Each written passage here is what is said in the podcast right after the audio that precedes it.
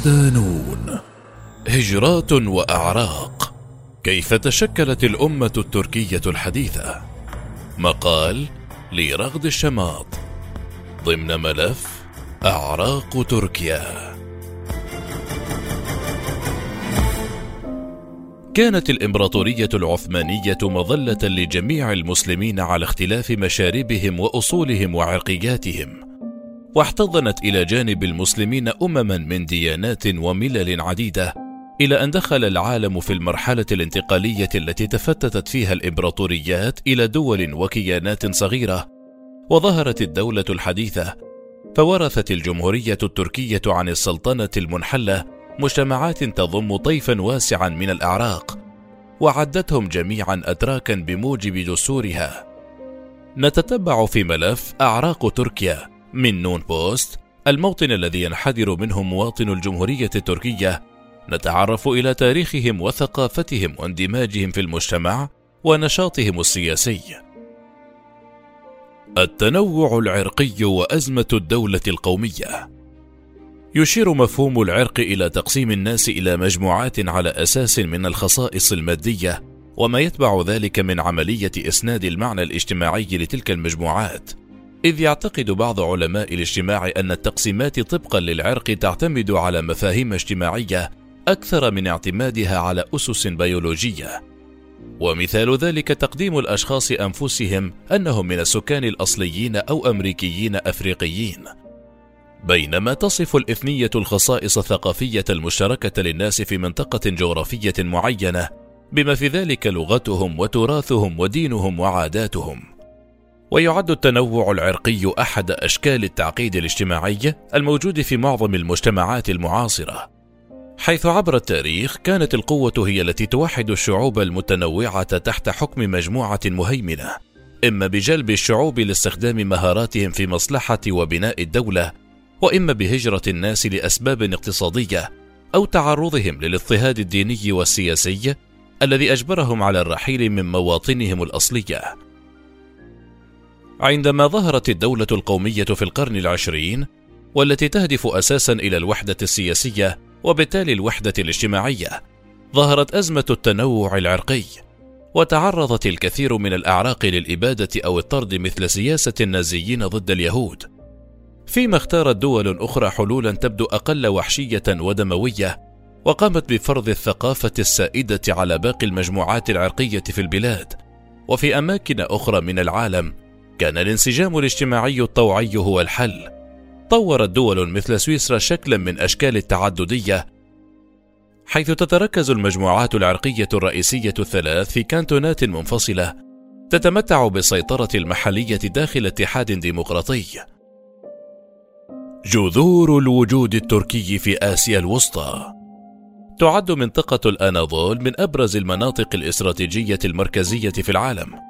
إذ تشرف على البحر الأبيض والبحر الأسود وبحر إيجه وتتوسط القارات الثلاث أفريقيا وآسيا وأوروبا ما جعلها جسرا لعبور الكثير من القبائل فيما اتخذها بعضها موطنا وأقامت فيها الحضارات.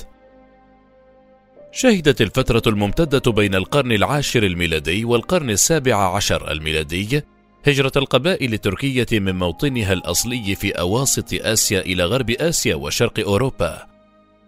أصبحت أراضي الأناضول والمعروفة باسم آسيا الصغرى موطنا للأتراك مع سيطرة السلاجقة عليها بعد هزيمة الإمبراطورية البيزنطية في معركة ملاذ كورد الشهيرة عام 1071 ميلادية الموافقة ل 463 هجرية التي حدثت قرب الحدود الشرقية الحالية للجمهورية التركية قرب بحيرة وان.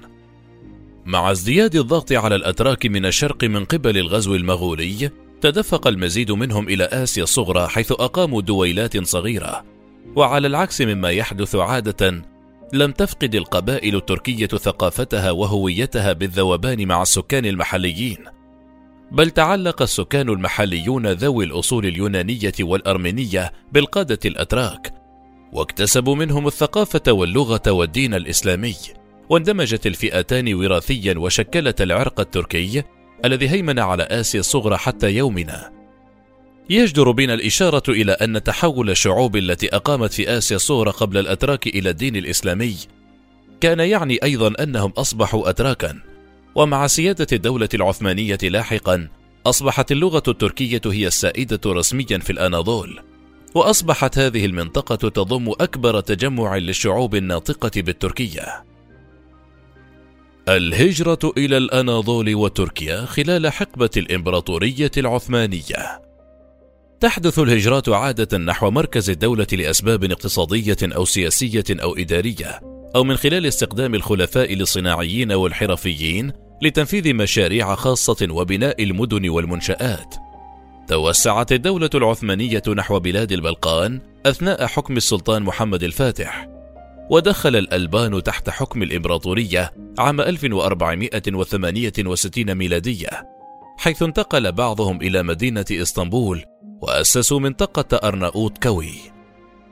إلا أن موجات الهجرة المهمة من البلقان حدثت أثناء الحرب الروسية العثمانية عام 1877 حيث غادر بلغاريا مليون ونصف مسلم وصولا إلى عام 1912 حيث خسرت الدولة العثمانية حرب البلقان وخرج جميع أراضي البلقان باستثناء تراكيا الشرقية عن السيطرة العثمانية ووصل إلى أراضيها حوالي ثلاثة ملايين إنسان كانت للهجرات التي شهدتها الدولة العثمانية مع تقلص جغرافيتها السياسية دور أساسي في تكون البنية الاجتماعية والاقتصادية للأناضول بشكلها الحالي. أدى توسع روسيا وسيطرتها على القرم ونفي سكان شبه الجزيرة خارج أرضهم إلى بدء موجات من الهجرة من عام 1772 واستمرت حتى عام 1922 ويقدر عددهم بنحو مليوني إنسان.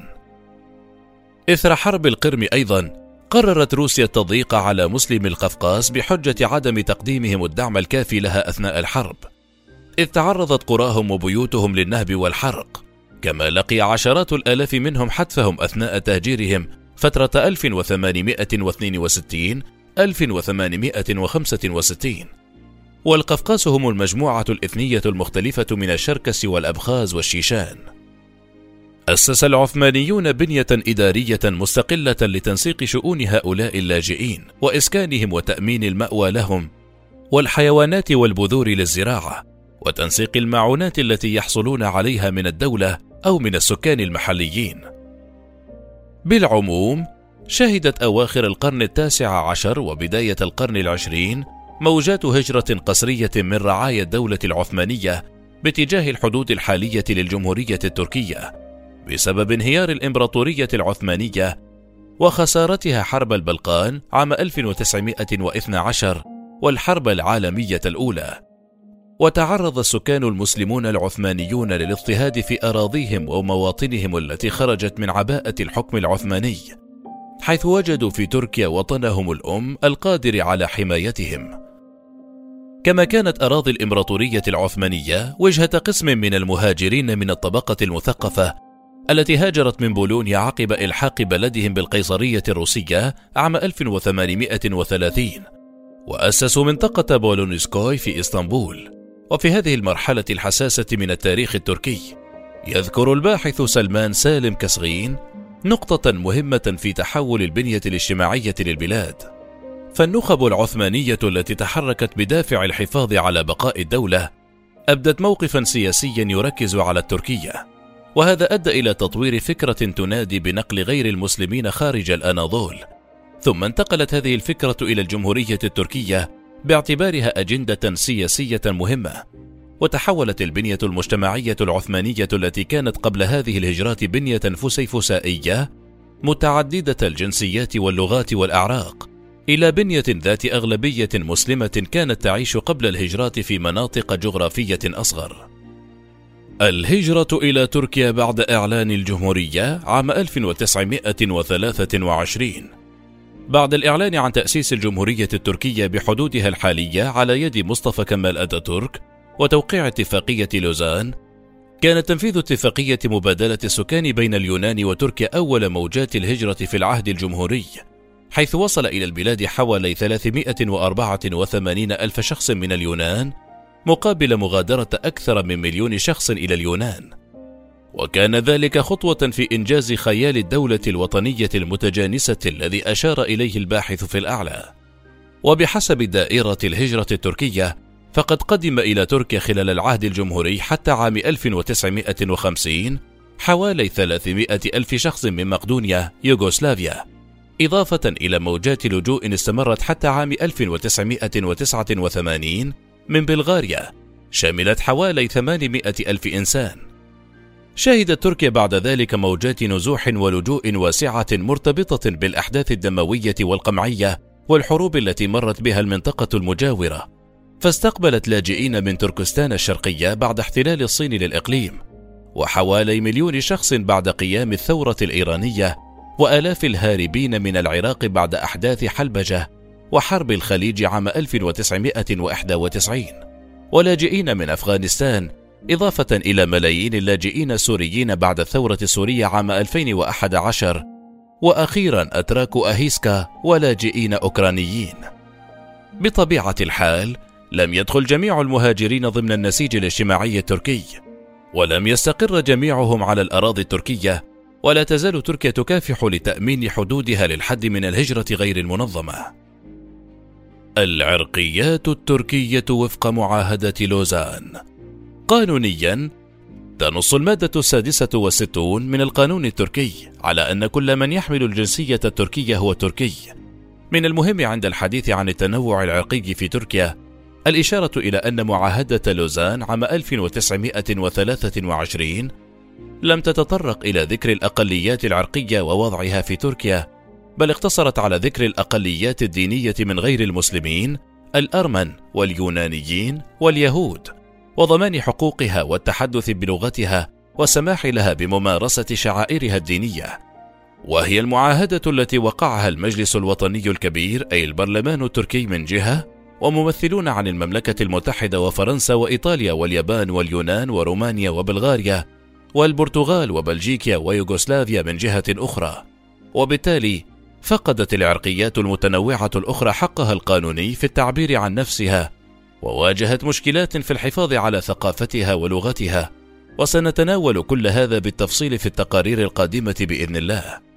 بالمحصلة الإحصاءات العامة تشير إلى وجود عشرات الأعراق بنسب مختلفة ضمن أراضي الجمهورية التركية وهم عرب وزازيون وشركس وجورجيون وأرمن ويونانيون وألبان وآشوريون وآراميون وبوسنيون وشيشانيون وبلغاريون ولازيون وروس وألمان وإسوانيون ورومانيون ومجموعات عرقية من قفقاسيا وأوزبك وقرغيز وقازان وتتار وأذريون وغيرهم.